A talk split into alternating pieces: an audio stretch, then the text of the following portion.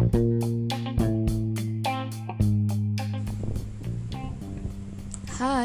mumpung hari ini kita lagi libur, kita lanjutin baca bukunya ya.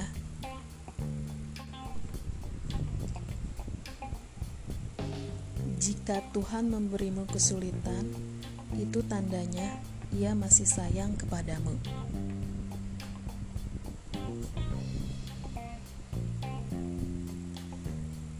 Seperti tercantum dalam Quran surat At-Takobun ayat 11 yang bunyinya tidak ada satu musibah pun yang menimpa seseorang kecuali dengan izin Allah.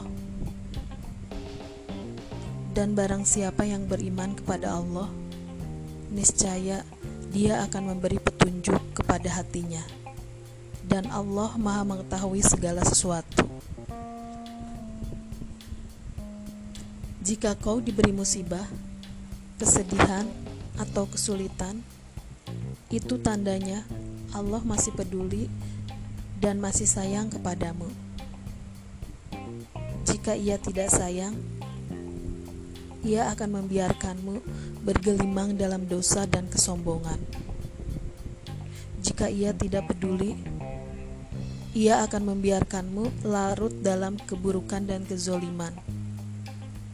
Dengan kesedihanmu, sebenarnya Allah ingin menghapus dosa-dosamu dengan musibah yang kau alami, Allah sebenarnya ingin memberimu pahala yang sangat besar. Putus asa dapat membunuhmu.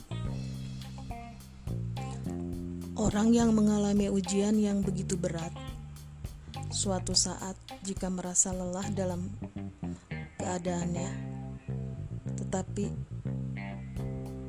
di saat itulah kau harus bersabar.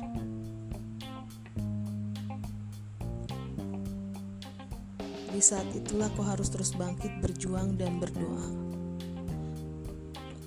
Putus asa bisa membunuhmu, karena putus asa lama-kelamaan dapat mengikis semangat, kebaikan, dan kebahagiaanmu. Allah membenci orang-orang yang putus asa karena mereka seperti tidak mensyukuri nikmat yang telah diberikan kepadanya. Janganlah mudah putus asa. Teruslah berusaha untuk menang.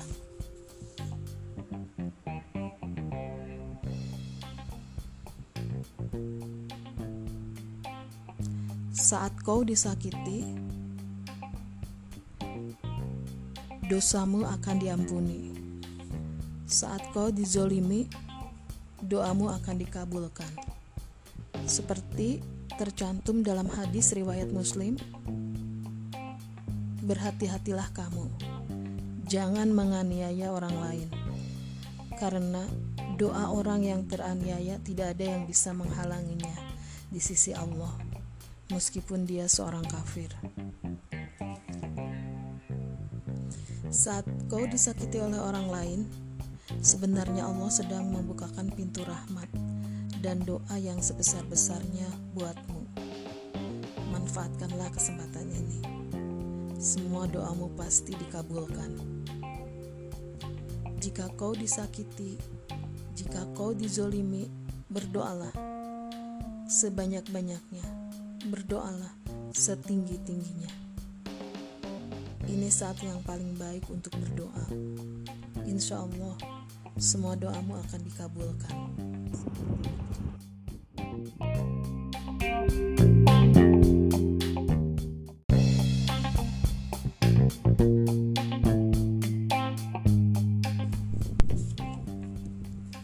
Doakanlah orang yang menyakitimu.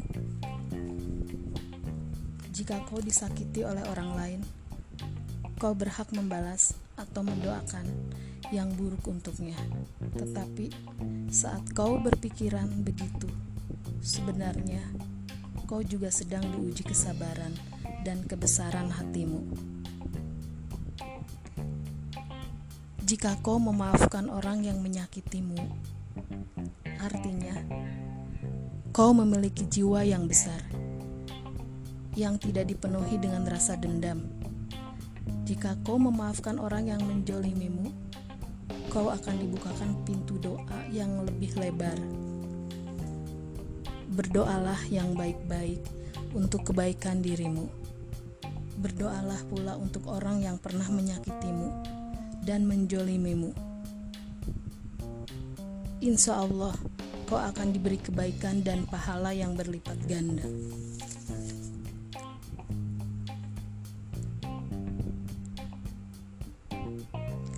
Hidup ini hanya permainan. Hidup ini hanya perhentian sementara. Seperti tercantum dalam Quran surat Al-Ankabut ayat 64 dan tiadalah kehidupan di dunia ini, melainkan senda gurau dan permainan. Dan sesungguhnya akhirat itulah kehidupan yang sebenarnya, kalau mereka mengetahui. Hidup kita di dunia hanyalah sementara. Semua yang ada di dunia ini juga sementara. Semua yang kau lakukan di dunia hanyalah untuk mengumpulkan bekal di akhirat nanti. Hasil dari kebaikan, kebahagiaan, kesedihan, dan kesulitan yang kau alami, semuanya adalah amal yang akan kau bawa menghadap penciptamu di akhirat. Sadarlah bahwa akhiratlah tujuan hidup yang sebenarnya. Oleh karena itu, kumpulkanlah bekal sebanyak-banyaknya untuk kebaikanmu nanti.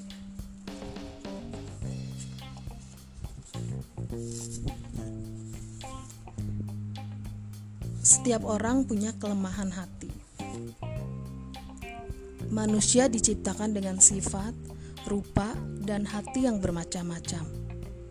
Dan Allah juga akan menguji setiap manusia dengan cobaan yang bermacam-macam. Sesuai dengan setiap kelemahan hatinya. Ada manusia yang lemah karena wanita. Ada manusia yang lemah karena harta. Ada manusia yang lemah karena kekuasaan. Ada manusia yang lemah karena cinta. Kelemahan hati ini akan hancur bila tiba-tiba kau diuji dan tidak siap untuk menghadapinya. Kuatkanlah imanmu, ketahuilah kelemahan hatimu agar kau tidak terlalu jauh, agar kau tidak terlalu jatuh saat ditimpa musibah. Hiduplah untuk bekerja, hiduplah untuk beribadah. Seperti tercantum dalam Quran surat Al-Jariyat ayat 56 dan tidaklah aku menciptakan jin dan manusia, melainkan untuk beribadah kepadaku. Kau diciptakan untuk hidup, kau diciptakan untuk berpikir, kau diciptakan untuk bekerja dan berkarya, kau diciptakan untuk beribadah kepadanya.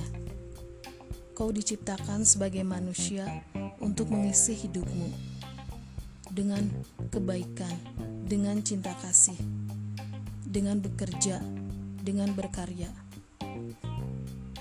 Bekerjalah, berkaryalah.